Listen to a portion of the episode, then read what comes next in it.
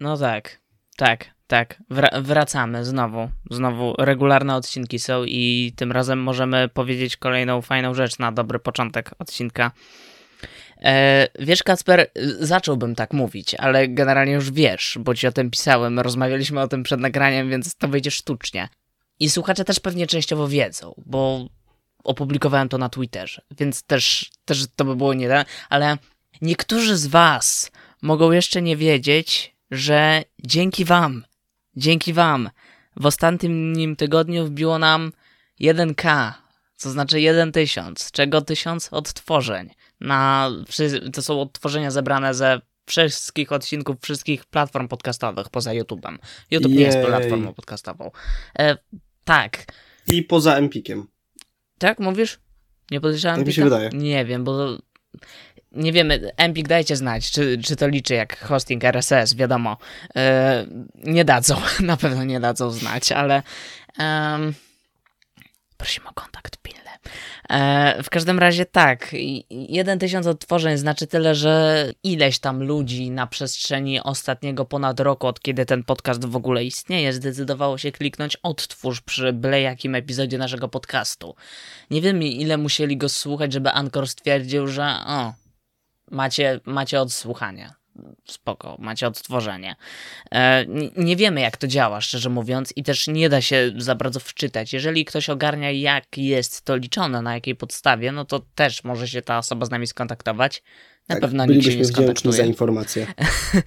Ale, w każdym... Ale można mieć nadzieję. Tak, i to jakby to jest miłe, nie daje nam nic to. Nie mamy żadnych materialnych korzyści z tego. Niematerialnych w sumie też nie, oprócz tego, że prawdopodobnie, nie wiem, endorfiny zaczęły wydzielać się w naszych mózgach, chociaż na chwilę czy coś.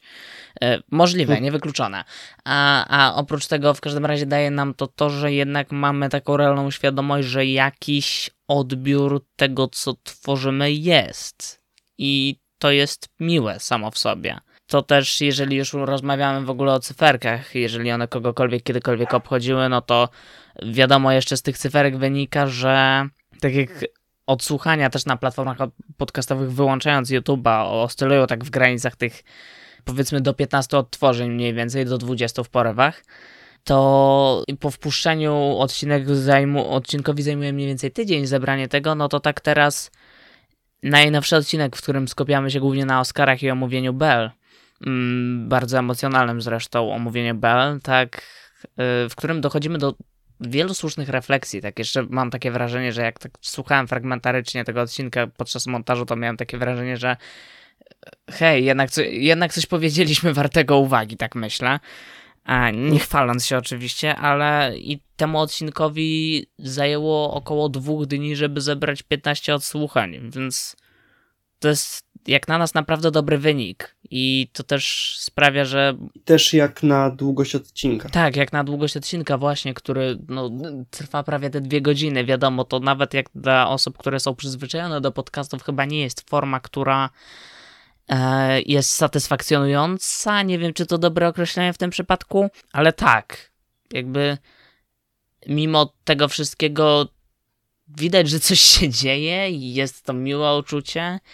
I żeby to się dalej raczej działo, to myślę, że ci, którzy mają wpływ na to, żeby się to działo, czyli nasi słuchacze, oczekują jednak odcinka pełnego merytorycznego kontentu i naszych wygłupów niż mówienia o cyferkach. Także w tym momencie Mogę tylko powiedzieć jedno.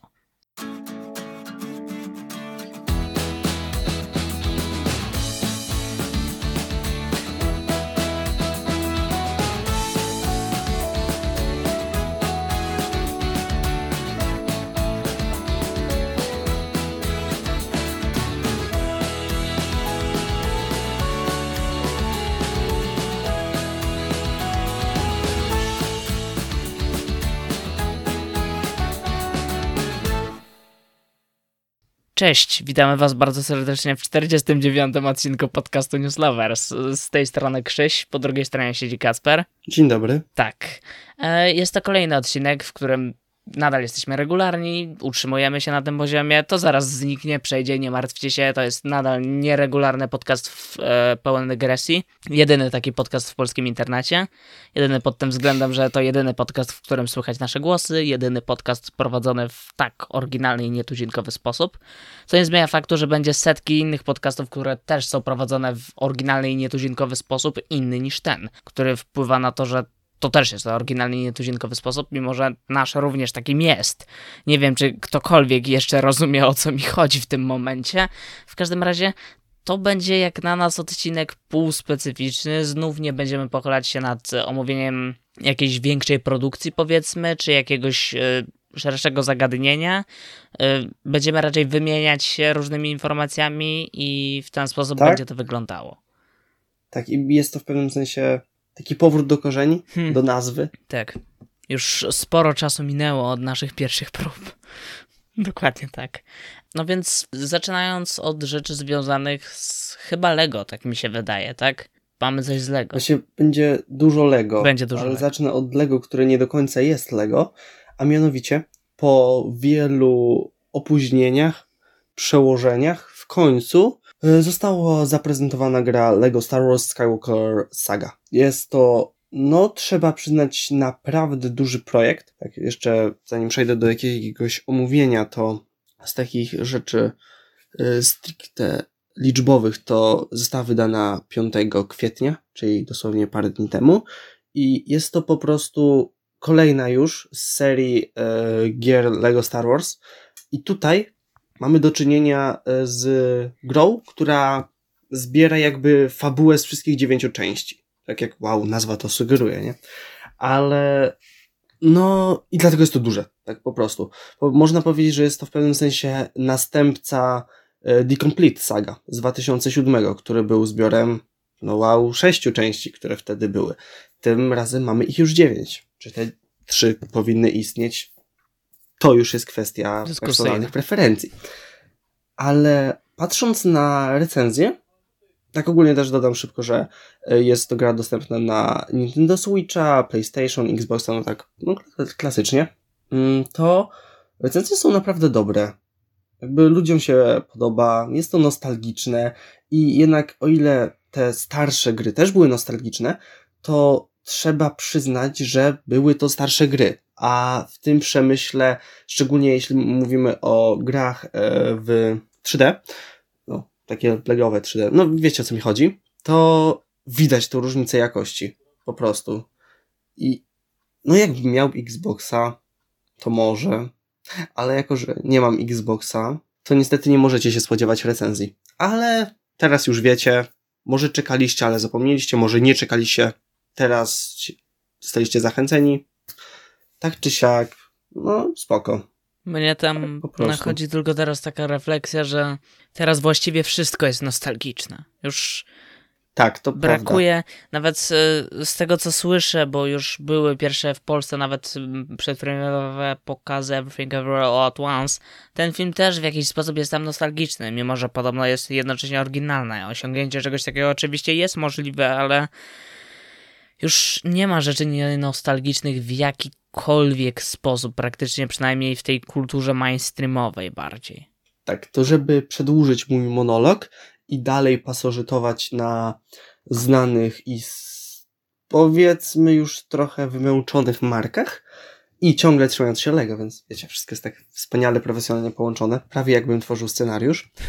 E, ten odcinek miał być krótszy, miał być troszkę powiedzmy, może nie, nie nijaki, ale przez moment zastanawialiśmy się, co właściwie w nim będzie. Ale zostaliśmy uratowani przez Instagrama od Lego, ponieważ dostaliśmy zdjęcia zestawów z Harry'ego Pottera. I tak tutaj jakby będę o tym mówił, ponieważ Harry Potter nadal jest spoko, jakby jest to ok seria, odcinając się od tego wszystkiego, co się teraz dzieje, odcinając się od fantastycznych zwierząt, które nawiasem mówiąc miały premiery, to wszystko jest nieważne, to, to nas nie obchodzi. Uznajmy, że te filmy nie istnieją. I jest tutaj to łatwiej niż w przypadku Skywalker Saga, bo niestety no, tam ta trylogia U, jest już załączona, uznajmy więc to też, że takich... David Yates i J.K. Rowling nie istnieją. Tak jeszcze dodam. Jak tak, możemy mówić dokładnie. o rzeczach, które uznajmy, że, że nie istnieją, to jeszcze to dodam. Tak. E, z czym jeszcze tak mm, dopowiadając do tego, o czym mówiłem, to e, w Skywalker Saga, no Na pewno będzie grupa tryhardowych fanów oryginalnej trylogii, która nie będzie zachęcona, ale no, Y. wiem jak to jest. Mm, Więc tak się, bo ja teraz widzę te zestawy po raz pierwszy, więc to będą troszkę nieskładne, ale przynajmniej bardzo na świeżo reakcje. To zaczynając od czegoś, co wygląda na najmniejszy, mamy zestaw Hogwarts Carriage and Testrals, czyli e, ten powóz, który był przez Testrale powożony. Wow, piękne zdanie. Ciągnięty, nie wiem. No tak, wie- wiemy o co chodzi. To była, czekaj, mam teraz trzecia część. Tak, wie, więzienia z kabanu, czyli ta najlepsza. Przechodząc do samego zestawu, to składa się on ze 121 elementów, jest to zestaw 7 i mamy właśnie pięknego Testrala, który jest spoko, ale już go mieliśmy wcześniej, choć ten też jest ładny i chyba trochę inny nie, nawet nie, nie, i mamy poczekaj, czysty- poczekaj, bo okej, to, dobra, mm, to był zakon Feniksa, dobra, okej, wiem, wiem już. To A. był zakon Feniksa jednak, tak, tak, tylko tam, To bo ja się e, bo to było po tym jak, o Boże, spoilery do Harry'ego Pottera, nie, tragedia strasznie, ale to było potem jak mm, Harry jakby widział śmierć Cedrica Diggory'ego i dlatego zaczął Tak. widzieć te strale, co nie ma sensu, biorąc pod uwagę, że w wieku kilku lat Tak. widział śmierć swoich rodziców, więc nie wiadomo, dlaczego wcześniej te strali nie widział. to ignorując błędy fabularne Tak. i trzymając się marzeń dziecięcych, e, to co jest urocze, mamy tutaj figurkę takiego małego testrala, takiego słodkiego, co jest mięsko. I to jest urocze, Mhm. w sensie przerażające, ale urocze. Taki czarny jest mały. I oprócz tego w zestawie mamy figurki Harego i Luny. I jakby spoko to wygląda, no ale no to czego można było oczekiwać e, po tej półce cenowej. Przechodząc dalej, mamy...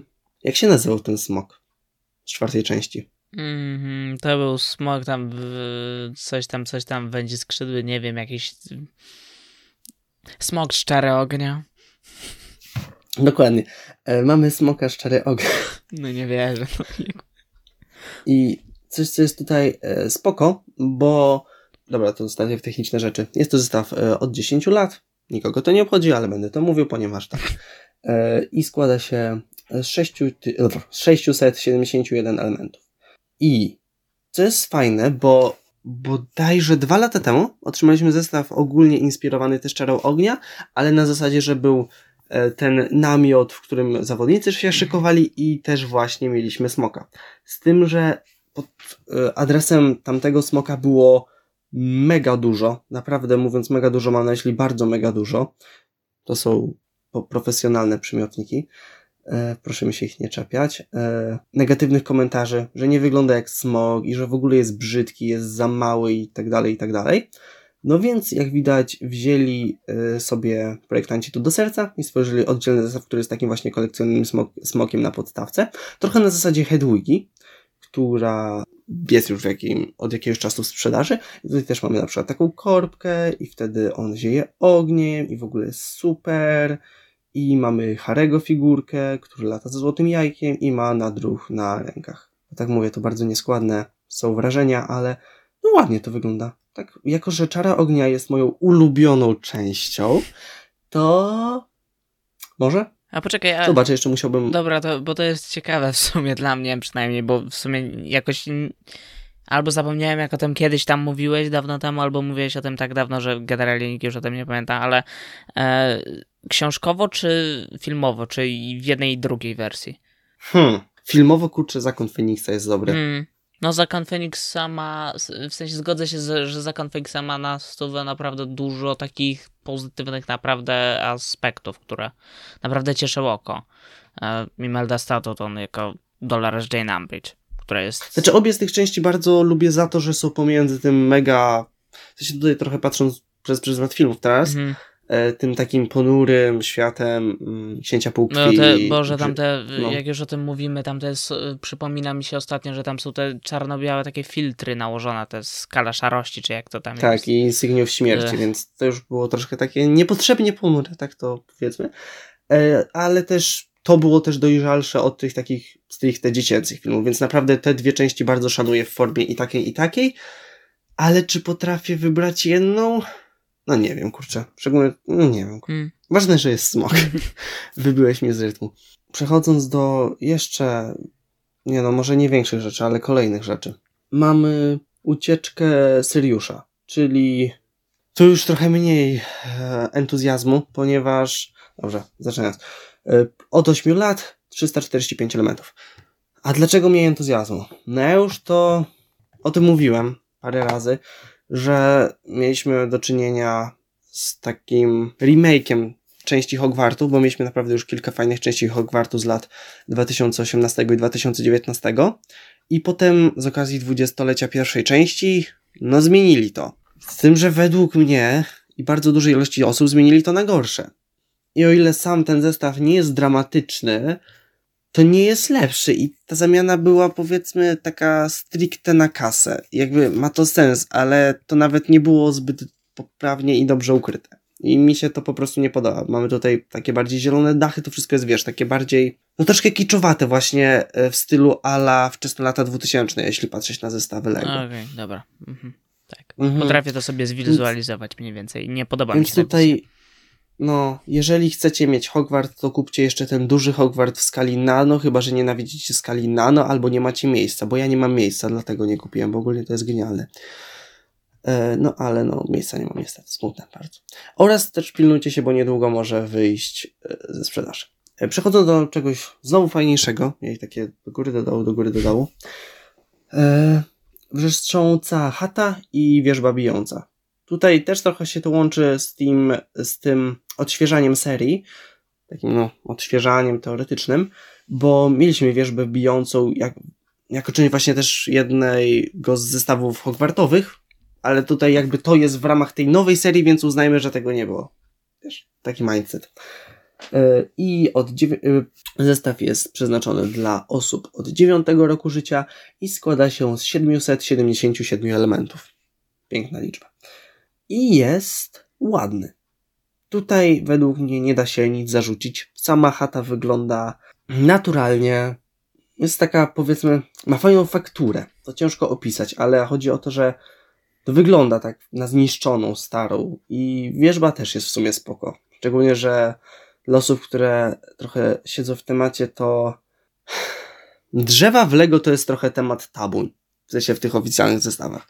Bo to bardzo często wychodzi bardzo źle. Tutaj powiedzmy mieliśmy do czynienia z innym rodzajem drzewa, ale jest spoko. Ale jest I na przykład ten, e, przepraszam, że ci przerwę, ale na przykład widziałem, jest taki, nie pamiętam jak się nazywa ta seria za cholerę, ale był taki zestaw drzewko bonsai, coś takiego.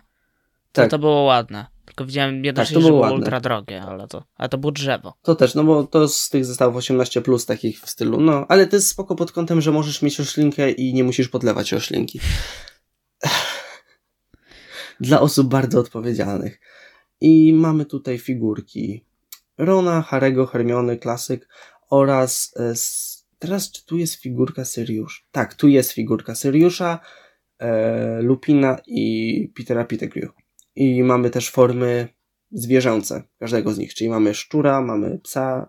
No dobra, pies jest przeciętny, no ale nie wymagałbym od nich robienia specjalnego kształtu psa, ponieważ no, no rasy psów są różne i jest akceptowalnie. I mamy też e, wilkołakową formę lupina.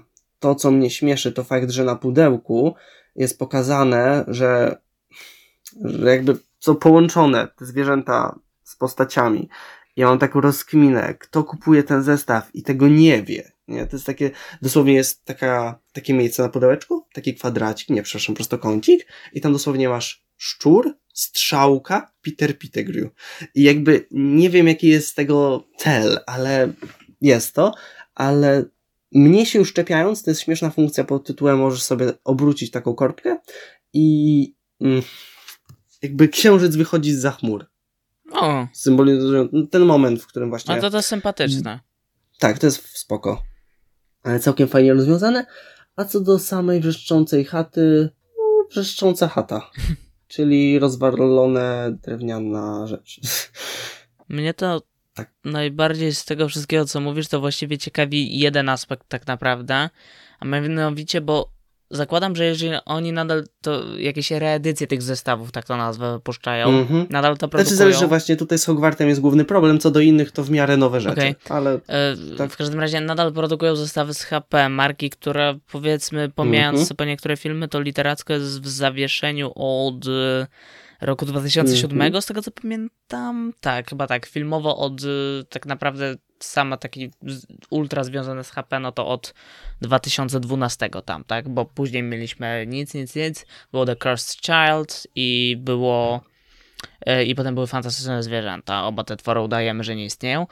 E, w każdym razie zakładam, że jeżeli oni to nadal produkują, to nadal im się to w jakiś sposób opłaca, to znaczy, że ktoś to nadal kupuje i jestem ciekawy w sumie i ciekawy jestem, czy da się to jakoś sprawdzić, kto tak naprawdę najwięcej jednak tego kupuje i jaka jest grupa powiedzmy docelowa, wiekowa, dla której właściwie jest to produkowane. tak, o ile jest to ciekawe i do takich danych no nie mamy dostępu, w sumie oni też nie, bo sprzedają to po prostu różnym ludziom za pomocą różnych środków w różnych krajach, to e, też muszę trochę kontekstu nawiązać, bo sama seria została zreaktywowana właśnie razem z fantastycznymi zwierzętami. Mm.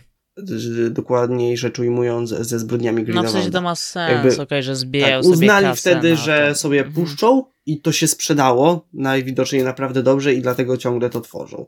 I mam wrażenie, że przynajmniej początkowo, teraz to już trochę leci na hypie i różnych figurkach i tak dalej, to się samo nakręca, ale przynajmniej początkowo to były naprawdę dobre zestawy. Po prostu patrząc na jakość e, bardzo przecen- przecenionych zestawów z Gwiezdnych Wojen i fakt, że już nie było zestawów z Hobbita, to był- była taka pustka po Bitwie Pięciu Armii, była taka nisza, jeśli chodzi o zestawy na licencji takich wielkich marek. I mam wrażenie, że po prostu została tutaj e, w ten sposób wypełniona. Hmm. Ciekawe, czy dostaniemy jakieś zestawy z okazji serialu Amazona. To się Mhm. okaże dopiero za jakiś A czas. to, ale, a wracając jeszcze do Uniwersum HP na chwilę, to tam jeszcze jest w sumie interesujący kontekst, y, to, no to już na stówę nie ma żadnych badań, ale jest jeszcze w sumie dla mnie interesujący taki kontekst psychologiczny, można by powiedzieć, z jakiego ludzie to kupują, to znaczy, em, czy raczej skoro to było wypuszczone pierwszy raz przy e, zbrodniach Grindelwalda, to ciekawe, czy ludzie, którzy to kupują po tych zbrodniach Grindelwalda, to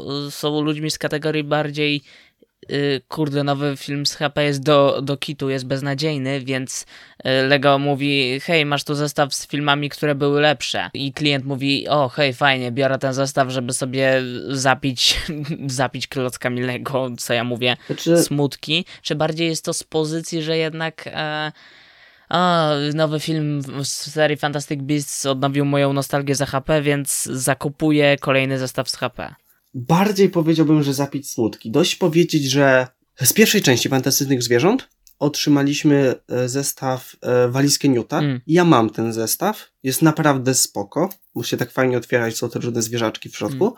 Z drugiej części otrzymaliśmy, jeśli się nie mylę, mam nadzieję, że teraz nic nie przekręcam, otóż z pamięci lecę, e, tylko e, powóz, w którym był Tak, transportowany tak, ta scena początkowej ucieczki też właśnie mi się teraz Tak, skojarzyła. dokładnie. A z trzeciej części, ojeju, jak to się stało, nie mamy nic. Hmm. Wydaje mi się, że nie ma czego, nie? Jakby. Co, co jest w nowej części, czego nie było w poprzednich? Okej, jakieś nowe zwierzaczki podobno są. Ten film ma w ogóle dzisiaj, jak to nagrywamy, premierę, ale. Mm, Tak, już o tym była mowa. tak, już była mowa o tym. Nawiasem mówiąc, ale nie ma co się nad tym pochylać w żaden sposób. Mhm. Dobrze. To po tej takiej trochę dygresji, trochę na temat, trochę nie na temat, wracając do Lego, bo Lego jej Lego. Kolejny zestaw y, to jest mm, Biuro Dumbledora. Zestaw od lat 8, który składa się z 654 elementów.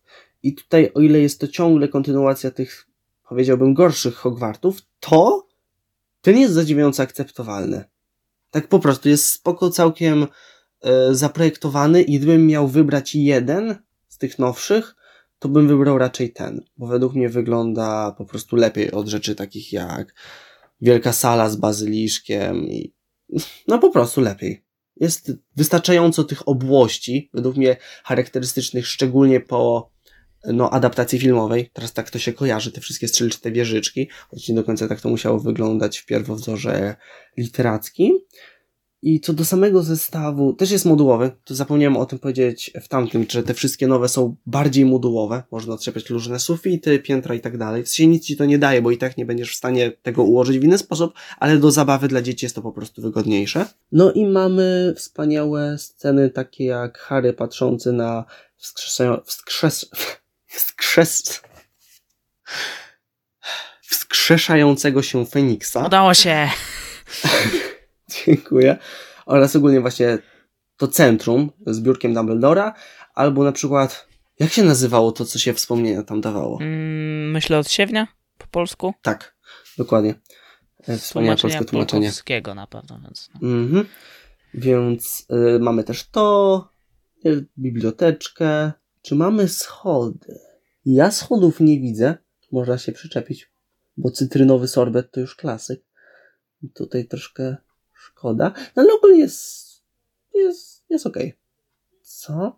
Czekaj, ja teraz muszę sam przeanalizować, co tu ma miejsce. Hmm. Bo mówię, to jest bardzo na bieżąco, więc... Trzeba było nagrać powodu,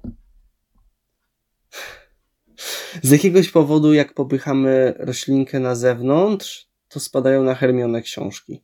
Nie wiem, jaką sceną było to inspirowane. Okej. Okay. Ja, ja po prostu nie mam pojęcia. Chyba, że to jest po prostu biblioteka, tak randomowo, żeby było jakieś wypełnienie zestawu. Nie, ale czekaj, że jak? Ciężko Jeszcze raz? Co tam się dzieje? Jakby, jak ty popychasz roślinę z zewnątrz zamku, hmm. to na Hermione wypadają książki. To jest dosłownie z pudełka. Za cholerę nie wiem i nie wiem dlaczego ktoś no ja właśnie tak też. krzywdzi Hermione Granger, że wypadają na nią książki. Dlaczego? W sensie nie wiem, ale... Znaczy mam wrażenie, że to po prostu biblioteka? Albo zaraz mam takiego laga mózgu i nie jestem w stanie sobie przypomnieć. God. Jak tak mówisz o tym i mówisz teraz, to kiedyś, kiedyś bym sobie z tobą pogadał o Harry Potterze w sensie głównie z perspektywy książek bardziej niż filmów, bo mhm. w filmach te wszystkie, wiesz, akcenty i wszystkie rzeczy, które z biegiem czasu, jak obserwujesz, to albo są ultra niepoprawne w jakiś sposób, albo kłopotliwe dla tych książek i nie chodzi mi tutaj o brak konsekwencji i logiki w fabule, tylko bardziej o, nie wiem, ten aspekt społeczny, jak jest w tych książkach. Kurde, to jest jednocześnie tak cholernie ciekawy temat, który można na tak wielu płaszczyznach zgłębiać, że to jest niesamowite. Ale musiałbym jeszcze raz przeczytać HP, nie mam na to teraz czasu. No właśnie. Ani ochoty, ja teraz potem czytam lalkę, więc to, no. powodzenia. Co do figurek mamy Snape'a, Harry'ego, Dumbledora, Hermione no, klasycznie, Hogwartowo bym powiedział. Dalej. Już jesteśmy blisko końca. Mhm. Nie wiem, czy to da wam nadzieję, ale jesteśmy blisko końca. Jeszcze dwa zestawy, yy, którym pierwszym będzie Ministerstwo Magii od 9 lat, składa się z 990 elementów i jest to spoko. Tak po prostu. Mamy tutaj e, głównie jest to scena, kiedy po eliksirze wielosokowym się włamali. Ale mamy tutaj naprawdę fajne pomieszczenia, bo jest to w formie trochę takiej dioramki. Po prostu z przodu mamy te takie. Ten główny wygląd ministerstwa, wiesz, jak się wchodziło do tej głównej wielkiej sali z tym e, pomnikiem że sobie siedział na mugolach i tak dalej. E, I to też jest bardzo modułowe. Ale tutaj mamy fajne rzeczy. Mamy na przykład e, pokój Ambridge, hmm. jest różowy. I mamy na przykład budkę telefoniczną, którą się zjeżdżało. I mamy Dementora, i Lucjusza Malfoja. O, i mamy kotka Patronusa. No. Tak w ramach fajnych rzeczy. Jej kotek Patronus. Kurczę, mało zdjęć. A ciężko zrobić tutaj zbliżenie. Ale spoko. Się okej. Okay. Może nie do końca w moim klimacie, ale bardziej na pewno to szanuję niż odgrzewanie Hogwartu po raz któryś. Tutaj parę fajnych scenek, parę fajnych wnętrz, tych wiesz, wszystkich gabinetów. Jest, jest przyzwoicie. Dobrze, przechodząc do grande finale i coś, co mnie kurczę korci, tak naprawdę mocno korci, e, a mianowicie Grimwald Place, który składa się z 1083 elementów, jest od 8 lat i coś, jakby jeszcze nie przechodziłem do środka, ale coś, co mnie ujmuje, to się składa. Tak naprawdę. Myślisz, że się to, to, to jest. Suwa to? Tak. tak? Dokładnie. O, ale to jest bajer fajny. No. To jest fajny bajer. To jest bardzo korzystające. I super jest zrobiony kontrast między tą częścią wysuwającą się i częścią tą taką mugolską. Naprawdę fajnie to wygląda. I co do wnętrza, to no klasycznie mamy ten główny stół jadalniany. O, mamy drzewo genealogiczne Blacków. Mm. To też spoko bardzo. Mamy schody, jej. No i ten pokój, w którym y, Harry się spotkał z Johnem i Hermioną. A i pianino, tam było pianino, prawda? W filmie nie było, w książce pewnie było opisane. Albo i. Coś, coś takiego było, nie? Taki przebłysk. Ale to tak, to tutaj Aha. i do samej dyskusji, i też, żeby więcej smaczków tych zestawać na, pe- na pewno odkrywać, to trzeba by sobie te książki albo chociaż filmy przypomnieć. Choć Mhm. filmy to raczej nie trzeba sobie przypominać. Kurczę, ładne to. Jakbym kiedyś się skusił, to was na pewno poinformuję. Oj, mamy stworka. Fajnie. Kurde, zreaktywujesz Instagrama tylko dlatego, żeby tam wrzucać te wszystkie rzeczy związane z Lego. W sensie, jak kupujesz zestaw, robisz unboxing, potem go No składasz. to w sumie spoko. Potem jest y, złożony zestaw. Jakiś potencjał to ma, w sensie nie wiem. Pomysł do przemyślenia. Tak, to, A ja naprawdę polecam sobie wszystkim popatrzeć na ten zestaw, bo jest to, no najlepszy to jak fali. i tak te, to, to, co powiedziałem, ten pomysł, ten pomysł związany z tym, żeby przeczytać jeszcze raz HP i go obgadać, niekoniecznie na przestrzeni jednego odcinka, bo tego materiału prawdopodobnie by się wtedy Tak, to zebrało jeszcze o wiele więcej niż na godzinną rozmowę, powiedzmy. To plus analiza dogłębna wszystkich części Transformers, to są wszelkie tego typu pomysły, które wysuwane są tutaj w międzyczasie trwania tego podcastu i nigdy prawdopodobnie do nich ni- już nie wrócimy, albo wrócimy, kiedy nikt już nie będzie o nich pamiętał. Yy, także my sami, więc wrócimy do pomysłu. Hej, ostatnimi czasy wpadliśmy na taki pomysł i robimy go teraz, i, a potem się okaże, że i ktoś nam przypomni, że w starym odcinku mówiliśmy o tym, nie wiem, tam sporo czasu temu, więc tak, dokładnie tak to działa. I tym potężnym akcentem ja oddaję głos mojemu współrozmówcy. Okej. um, Wielki kącik się skończył. Z- zakładając, że to mi sko- skojarzyło z takim wielkim stołem przystawek, który nie ma końca i się czeka, czeka, czeka, czeka i A dania głównego nie ma. tak, i teraz przychodzi czas na danie główne teoretycznie, które e, w praktyce jest już po tym, jak wszyscy wyżarli cały ten stół tych przystawek, więc dania głównego nikt tak naprawdę nie chce i nikt nie ma już na nie czasu. A poza tym da, danie główne dzisiejszego odcinka jest już troszeczkę stare i zakurzone, ale może. Yy, lekkie backstory, zanim przejdę do tematu, jakby już samego takiego czysto stricte. Jakoś na przestrzeni listopada i października, nie pamiętam dokładnie kiedy, Amazon, który na początku z kolei zeszłego roku, czyli już ponad rok temu wszedł do, na polski rynek, to tak w- jakoś na przełomie października i listopada zeszłego roku udostępnił dla Polaków swój pakiet Prime, który między innymi opiera się na tym, że dzięki niemu można oglądać filmy z Prime Video za 49 zł rocznie, co jest niewątpliwie korzystne, jak na to, że serwisy streamingowe tanie jakoś nie są, zwłaszcza jak na kieszeń dwójki nastolatków. A, e, ale jakby tak, i no i wtedy Krzyś, czyli ja, wykupił sobie tego Prime'a. W każdym razie, bo pomyślał, hmm, 50 zł rocznie, no to mnie stać wreszcie na coś. Będę, będę mógł się pochwalić, że mam jakiś serwis streamingowy na, na, na zawsze. E, do czasu.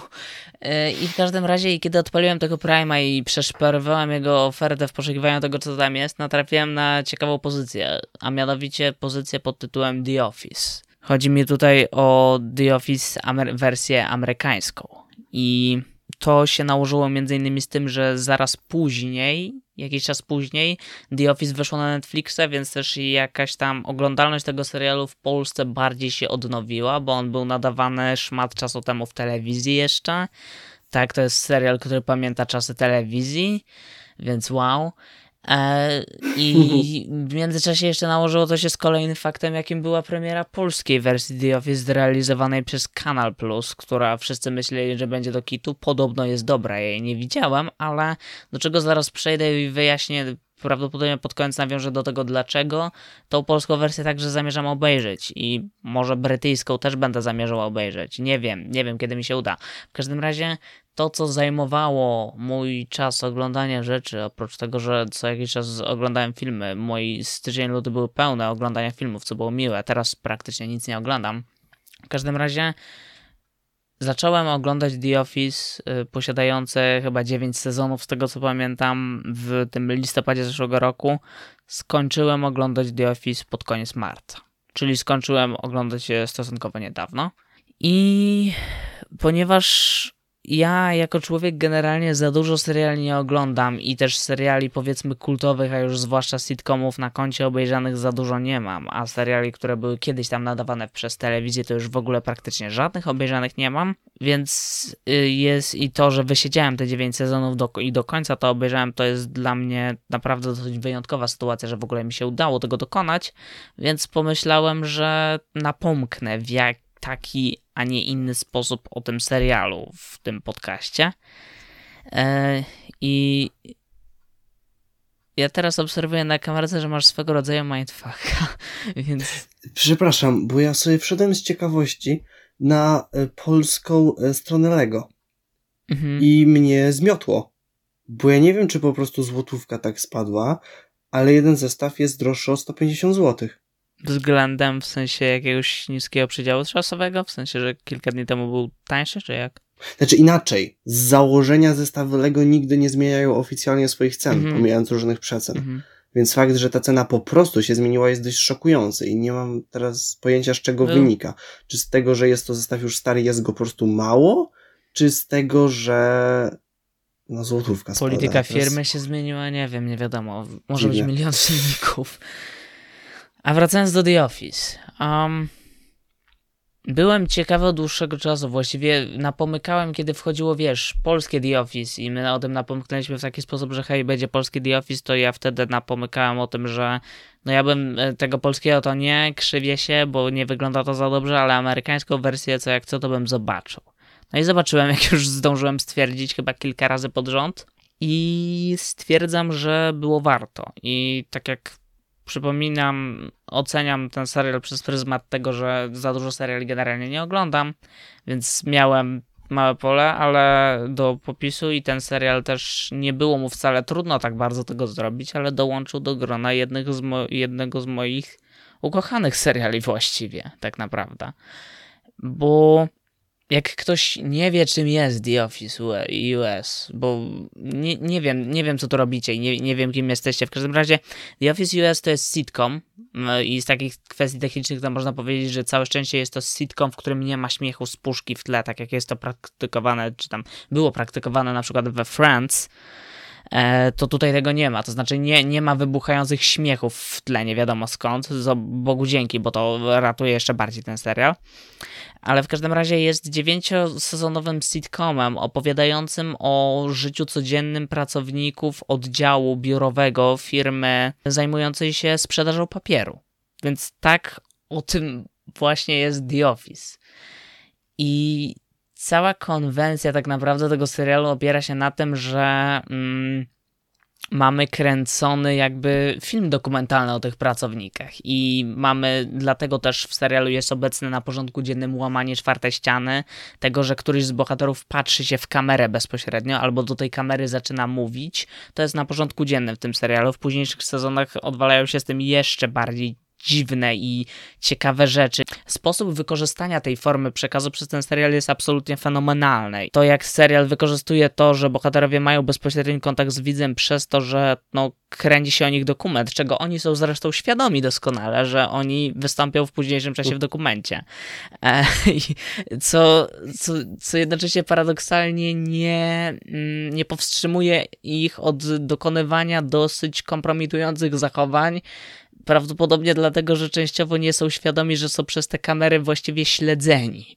I możliwe, że dlatego po prostu e, dochodzi do tych zachowań. I dochodzi do nich też dlatego, że mieści się to w konwencji serialu, bo serial operuje. E, to jest niesamowite, bo jakby jeżeli przepatruje się internet, to na memy z The Office trafia się naprawdę stosunkowo często. Te, te które najbardziej, przynajmniej ja kojarzyłem dotąd, to było e, No God Please No, wygłaszane przez Steve'a Carella, krzyczane do kamery, albo They are the same picture. Już się śmiejesz i ja też się śmiałem z tych memów, bo one jednak są takie, że jak się na nie patrzy out of the context, to one i tak są zabawne, ale jednocześnie jak się obejrzało serial i wreszcie, dajmy na to na piątym chyba tam, o ile dobrze pamiętam, sezonie dochodzi się do sceny, w której Michael Scott, czyli właśnie postać grana przez Steve'a Carella, która jest głównym tutaj kierownikiem tego biura, wykrzykuje tą kwestię i zna się cały kontekst tej kwestii, to w tym momencie odbiór tego jest niesamowity, że wreszcie kojarzę skąd był ten mem i potem jak się już widzi te memy w internecie po raz kolejny i się zna genezę tego mema, tych memów na, na podstawie tych konkretnych kwestii dialogowych, e, to odbiór tych memów jest jeszcze lepszy, cholera. E, I e, naprawdę daje to taką dziwną satysfakcję po prostu. I um, The Office to też jest serial, w którym jednocześnie bohaterowie są momentami absolutnie niepoprawni, to znaczy yy, wygłaszają poglądy, dokonują zachowań, które absolutnie w przestrzeni biurowej e, w amerykańskim biurze po prostu nie powinny mieć miejsca i powinny zostać na, natychmiast ukrócone. Posuwają się na granicę kompletnego absurdu w tym, co robią. Ich zachowania są przesadzone i zdecydowanie w prawdziwej korporacji życie pracowników biura aż tak nie wygląda, bo to, zbiu- to biuro tutaj, w którym mamy pracowników na przestrzeni sezonów, dochodzą tam kolejni pracownicy i też odchodzą, o czym będę jeszcze wspominał później w, przy, w jednym konkretnym przypadku, co będzie pewnego rodzaju spoilerem, ale niekoniecznie, bo no to jest, taka jest sytuacja z serialami, które kiedyś tam leciały w telewizji po prostu, ale to, że głównymi bohaterami są pracownicy tego jednego oddziału biurowego, to była tak doskonała okazja do dobrania po prostu tak absolutnie oryginalnych i dziwnych na różne sposoby postaci, które miejscami będą prawdopodobnie przez oglądającego znienawidzone absolutnie za to, co robią, za to, jak się zachowują, za to, jak paskudne są ich zachowania wobec innych osób w biurze i też generalnie innych bohaterów jeszcze spoza biura. Będą to zachowania y, głupie, okropne, toksyczne, obrzydliwe miejscami, na wskroś złe czasami, po prostu i zwyczajnie podłe. A jednocześnie taka jest jakby forma żartu i po prostu to poczucie humoru oparte na tym, że grupa e, takich e, dobranych po prostu oryginałów, bo każdy z tych bohaterów jest po prostu po pierwsze każdy ma odmienną, oryginalną osobowość. To nie są wyprane za kukły, ich charaktery nie są powtarzalne. Każdy z tych bohaterów um, jest tam, zachowuje się inaczej i przez te 9 sezonów też, co jest y, niesamowicie szanuje tutaj w tym serialu, przechodzi jakąś konkretną drogę po prostu. I na przestrzeni, jak się ogląda te odcinki, te sezony, i widać przy, jawną przemianę tych bohaterów, i yy, kiedy są miejscami w późniejszych sezonach The Office takie fragmenty, które są czymś w rodzaju takich flashbacków do poprzednich sezonów. E, to też się łączy z tą konwencją, nie chcę tutaj wchodzić w szczegóły, i dzięki temu jeszcze bardziej twórcy chcą nam pokazać, jak bardzo ci bohaterowie się zmienili. I my to, mimo że już wcześniej to widzieliśmy, bez tych flashbacków, to z tymi flashbackami widzimy to jeszcze bardziej. I to, yy, to się tak świetnie ogląda. Yy, to obserwowanie, jak ci bohaterowie przechodzą tą przemianę. To jest tak w jakiś sposób satysfakcjonujące po prostu. I nawet wiesz, Ludzie oglądali ten serial normalnie, jak leciał w telewizji od roku 2005 do 2012, z tego co pamiętam. Szmat czasu. Leciał w telewizji na przestrzeni, mhm. że prawdopodobnie odcinek był co tydzień, zakładam, bo taka była ta klasyczna formuła nadawania czegokolwiek w telewizji w tamtych latach. I domyślam się, że jeżeli człowiek śledził przez te lata. Tych bohaterów cały czas oglądając ten serial, no to zżywał się w nimi w niesamowity sposób, bo to jest tak skonstruowane, że nie da się z tymi bohaterami nie zżyć, nie da się emocjonalnie w to jakoś zaangażować oglądając to. A mimo, że ja nie miałem naglądania kilka lat, tylko właściwie serial obejrzałem w ciągu kilku miesięcy, to i tak mój poziom zżycia z bohaterami koniec końców był niesamowity. Jakby poziom tego, jak um, można w pewnym momencie przewidzieć, jak dany bohater czy bohaterka się zachowa, a jednocześnie widzieć, jak on dochodzi do wniosków, uczy się czegoś. To jest w tym coś takiego niesamowitego, także na koniec człowiek ma po prostu wzruszki i ryczy do tego ekranu. E, tak, tak działa ten serial. I wracając jeszcze do tych postaci oryginalnych, to tu mamy po prostu świetne pole do popisu, bo mamy już wcześniej wspomnianą postać Michaela Scotta, czyli do mm, pewnego momentu głównego kierownika tego oddziału biurowego całego. Um, I to jest postać, którą Steve Carell, który y, no, ja go kojarzyłem między innymi z tego, że podkładał e, głos Gru w Minionkach e, i grał w co najmniej kilku filmach. No, Steve Carell jest dosyć aktorem rozpoznawalnym i grał w wielu komediach. Ostatnio przerzucił się bardziej na granie, na przykład mogliśmy go oglądać w My Beautiful Sons obo, u, u boku Timothy'ego Siamaleta. E, i też wystąpił chyba w The Morning Show na Apple TV Plus. To są takie produkcje nieśmieszne, już bardziej poważne. W każdym razie Steve Carell zaczynał jako aktor swoją karierę od bycia aktorem raczej bardziej komediowym. Tak jak widziałem go już w kilku tego typu rolach, tak tutaj po prostu wcielając się w tą postać daje taki popis tak cholernie dobrego aktorstwa.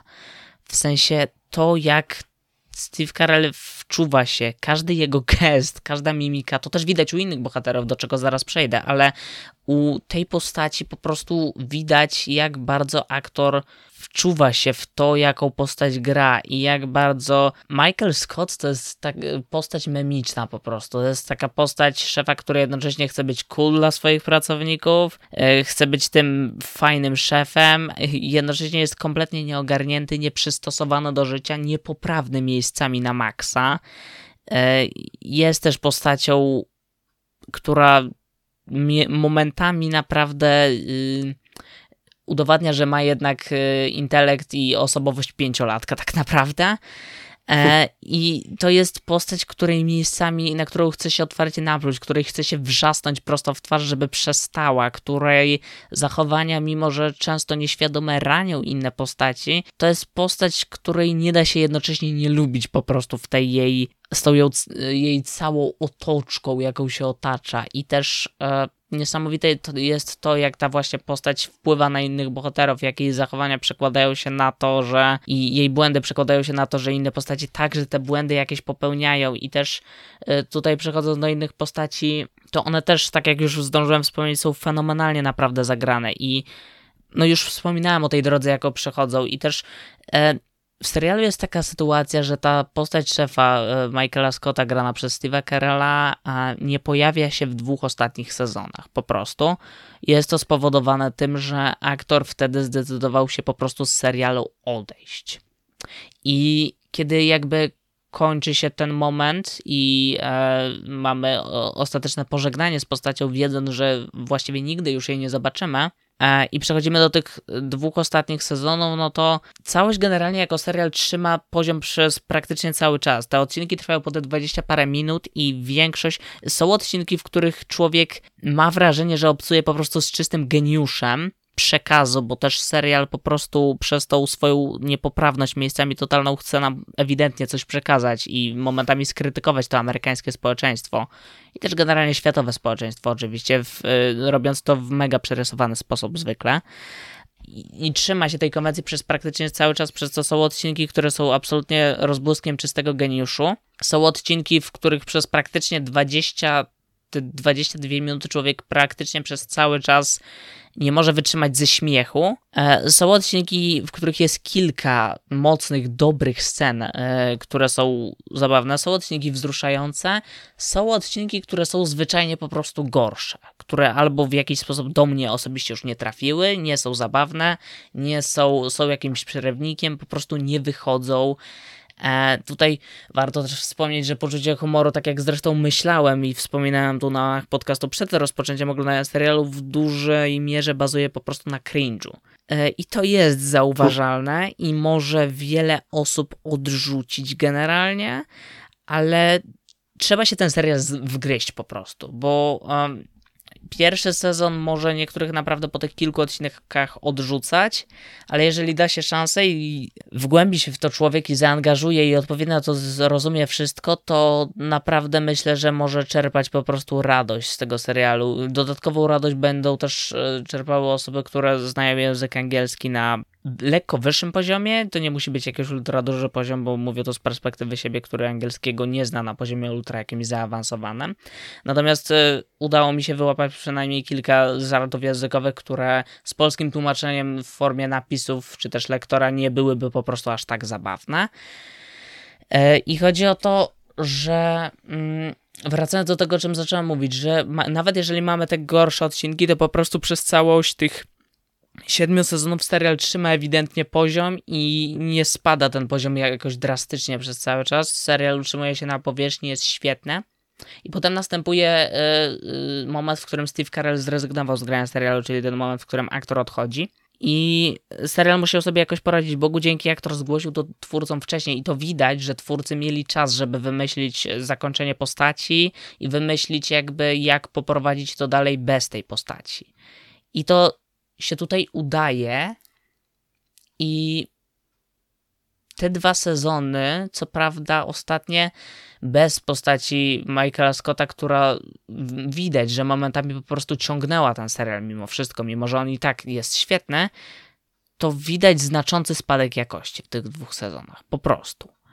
Widać, że miejscami skończyły się pomysły, są odcinki zwyczajnie kiepskie, przy których człowiek się ani razu nie zaśmieje i ani razu też nie znajdzie go jakaś, nie wiem, głębsza refleksja wzrasta według mnie poziom cringe'u, ale działa to na raczej niekorzyść i to jakby nie wpływa na to, że te dwa ostatnie sezony to jest jakaś jedna wielka tragedia, która położyła cały serial. To nie jest ostatni sezon Sherlocka. Eee, ale chodzi o to, że ten spadek jakości, o którym mówię, jest tutaj zauważalny. On nie wpływa na całość mimo wszystko. Całość nadal odbiera się w sposób naprawdę pozytywny i tak dalej to jest pogorszenie się, to jest przejście w stronę czegoś gorszego, ale jednocześnie mamy finał tego serialu już w dziewiątym sezonie, który jest jakby zwieńczeniem wszystkiego, swego rodzaju podsumowaniem drogi bohaterów i oglądając ten odcinek podzielony tam na dwie części, czy też właściwie to są dwa odcinki, można tak uznać, podzielone na dwie części, każdy z nich, e, czyli razem właściwie cztery takie mini odcinki. Oglądając ten finał serialu, ma się wrażenie, że po prostu zostało wynagrodzone wszystko, co te dwa ostatnie sezony zdążały, zdążyły w jakiś sposób spieprzyć. E, jest jakby dwa ostatnie odcinki wynagradzają absolutnie wszystko. Tak jak mówię, płakałem po prostu na koniec i to dało mi taką niesamowitą satysfakcję, że mimo wszystko serial dostał po prostu, mimo tych dwóch ostatnich sezonów, dostał godne zakończenie jako produkcja. I to sprawia niesamowitą satysfakcję, że to się udało. I też wspomniałem na przestrzeni już, już kilka razy przynajmniej, że na przestrzeni obserwujemy doskonały rozwój postaci. Te postaci, większość z nich też dostaje doskonałe absolutnie zwieńczenie, jakieś podsumowanie ich drogi, jaką one przeszły.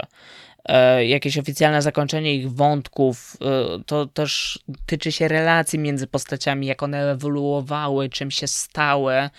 E, też obserwowanie tego w tym całym zwieńczeniu jest niesamowite. The Office jako serial ma przynajmniej kilka wątków romantycznych i przy tym temacie chciałbym się na chwilę przynajmniej zatrzymać, mm, dlatego że jest jeden wątek romantyczny w The Office, który zdecydowanie wysuwa się na plan pierwszy. Jest to, to powiedzmy ten taki główny wątek romantyczny pomiędzy dwoma postaciami. Tak jak mówiłem, moje doświadczenie z oglądaniem seriali e, telewizyjnych nie jest zbyt duże, że też oglądanie seriali jakichkolwiek przeze mnie nie było praktykowane zbyt często, ale po prostu mogę powiedzieć, że już na tą chwilę, że ten wątek romantyczny to jest jeden z ewidentnie najlepiej napisanych wątków romantycznych w historii całej telewizji, jakie mogłem oglądać, czy o jakich w ogóle słyszałem. Jego zapoczątkowanie w serialu, kiedy już wchodzimy w punkt, kiedy on w jakiś sposób zapoczątkowany jest, ale tego nie można nazwać wątkiem romantycznym, bo obie postaci nie są do końca świadome uczuć, y, jak, jak, jakim siebie darzą, tak? E, I rozwój tego wątku przez wszystkie sezony, też później, kiedy ten wątek już ewidentnie istnieje, to pokazanie jawnie, że on ma, co też jest mądrym przekazem, ma kryzysy po prostu. I to nie jest tak, że przez cały czas, jak już udało się jakby postaciom stworzyć tą relację, tak, to nie ma tak, że ona jest kolorowa i są ewidentnie problemy. Jest ewidentny moment pod koniec serialu, kiedy ta relacja przechodzi dosyć ciężki kryzys, który też odbija się na widzu, który to ogląda i to obserwuje. Um, ale generalnie nadal to, jak i zwieńczenie tego wątku jest y, czymś tuż obok y, samej postaci Michaela Scotta i, i to, jaką drogą ona przechodzi, czymś najlepszym, co ja wyciągnąłem z tego serialu po prostu i czymś, co na koniec doprowadziło mnie do łez, a wcześniej wielokrotnie do tego, że się uśmiechnąłem i z taką świadomością, że obsujesz czymś naprawdę dobrze napisanym, bo całość też serialu jest naprawdę dobrze napisana. Postaci są nie tylko dobrze zagrane, a wręcz rewelacyjne, ale też dobrze napisane. naprawdę nie dziwię się osobom, które stwierdzają, że The Office jest e, w topce ich sitcomów. Bo porównując, ja nie oglądałem w całości żadnego sitcomu właściwie, oprócz The Office. Um, oglądałem wybrane odcinki Friends, nawet nie obejrzałem właściwie w całości ani jednego sezonu. Oglądałem kilkanaście, jeżeli by sumować wybranych odcinków. I wiem, że generalnie Friends teraz traci fanów. Na Friends jest obecnie nagonka jakiegoś typu, ale generalnie ja nigdy nie byłem jakimś ogromnym fanem Friends jako serialu. A natomiast no, po tym, ile miałem z nim styczności i po tym, jak miałem styczność z całym The Office, The Office jest serialem po prostu zauważalnie lepszym.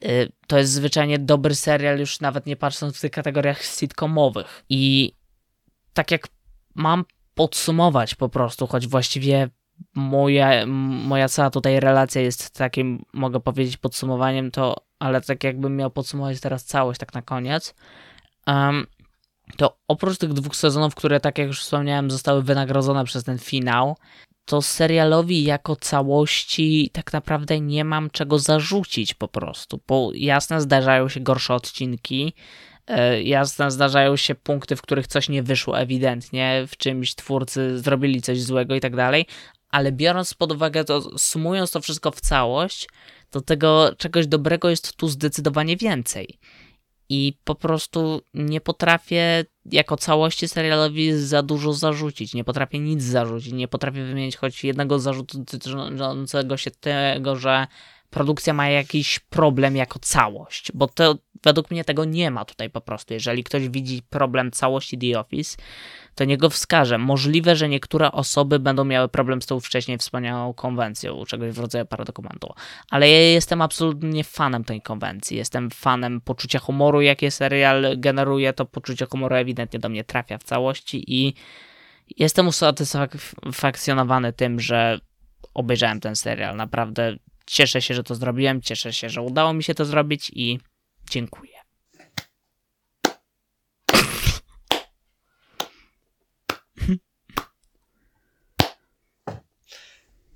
Dziękujemy Krzysiowi za przybliżenie nas e, z The Office. Ile to ma sezonów jeszcze raz? E, dziewięć. E, pierwszy ma, jest pilotażowy, więc ma mniej odcinków. Generalnie odcinki w tych sezonach oscylują tak w granicy 20 paru, powiedzmy, nie? Maksymalnie. I one trwają po 20 parę minut. Odcinki. No tak, klasycznie. Tak. To może kiedyś. Może kiedyś, jak będzie czas. Ja teraz tak, przymierzam się do jednak spróbowania wejścia w polski The Office, bo jestem ciekawy. Brytyjskiego nigdzie nie mogę znaleźć na tą chwilę i też wiem, że jest czymś innym, e, ale może zobaczymy. Kto wie, teraz no nie mam czasu, bo też e, war, jeżeli jakby ktoś na bieżąco śledzi, co ja oglądam, bo ja to publikuję na bieżąco, to widać, że znaczący spadek bo teraz praktycznie nie oglądam nic, oprócz tego, na czym jestem w kinie co jakiś czas. Z tobą zresztą, więc no, tak. No i fajnie. Także tak. Dziękujemy za dzisiaj. Na dzisiaj to tyle. Tak. tak. Mam nadzieję, że mimo tego, że ten odcinek właściwie był złożony z dwóch monologów, tak naprawdę, przetykanych. Okej, okay, ja ci wtrącałem różne rzeczy, ty mi za bardzo nic nie wtrącałeś, bo w sumie nie miałeś czego, ale no, pierwsza połowa, jak nie trzy czwarte, była zdecydowanie Kacperowym odcinkiem. Była zdecydowanie epizodem o Lego. Było więcej Lego niż kiedykolwiek. Mam nadzieję, że osoby, które po to tu tylko przychodzą, są usatysfakcjonowane. E, mam nadzieję, że jeżeli jeszcze nie oglądaliście The Office, to po moim poleceniu sięgniecie po niego. Jeżeli e, oglądaliście The Office, bo myślę, że jest sporo osób, które jednak oglądało, bo to nie jest nic nowego, więc mam nadzieję, że znajdzie się przynajmniej kilka osób, które będą jakoś chciały skonfrontować swoje wrażenia. Myślę, że będzie to ciekawe doświadczenie. A, a poza tym co? Nie zapomnijcie, że jesteśmy na wszystkich platformach podcastowych, że mamy tak. fanpage na Facebooku. A... Ale nie powiemy do zobaczenia za tydzień, bo nie. Tak, bo po bo pierwsze nigdy się nie widzieliśmy, po drugie e, regularność w tym podcaście nie istnieje, więc do usłyszenia w następnym odcinku. Cześć.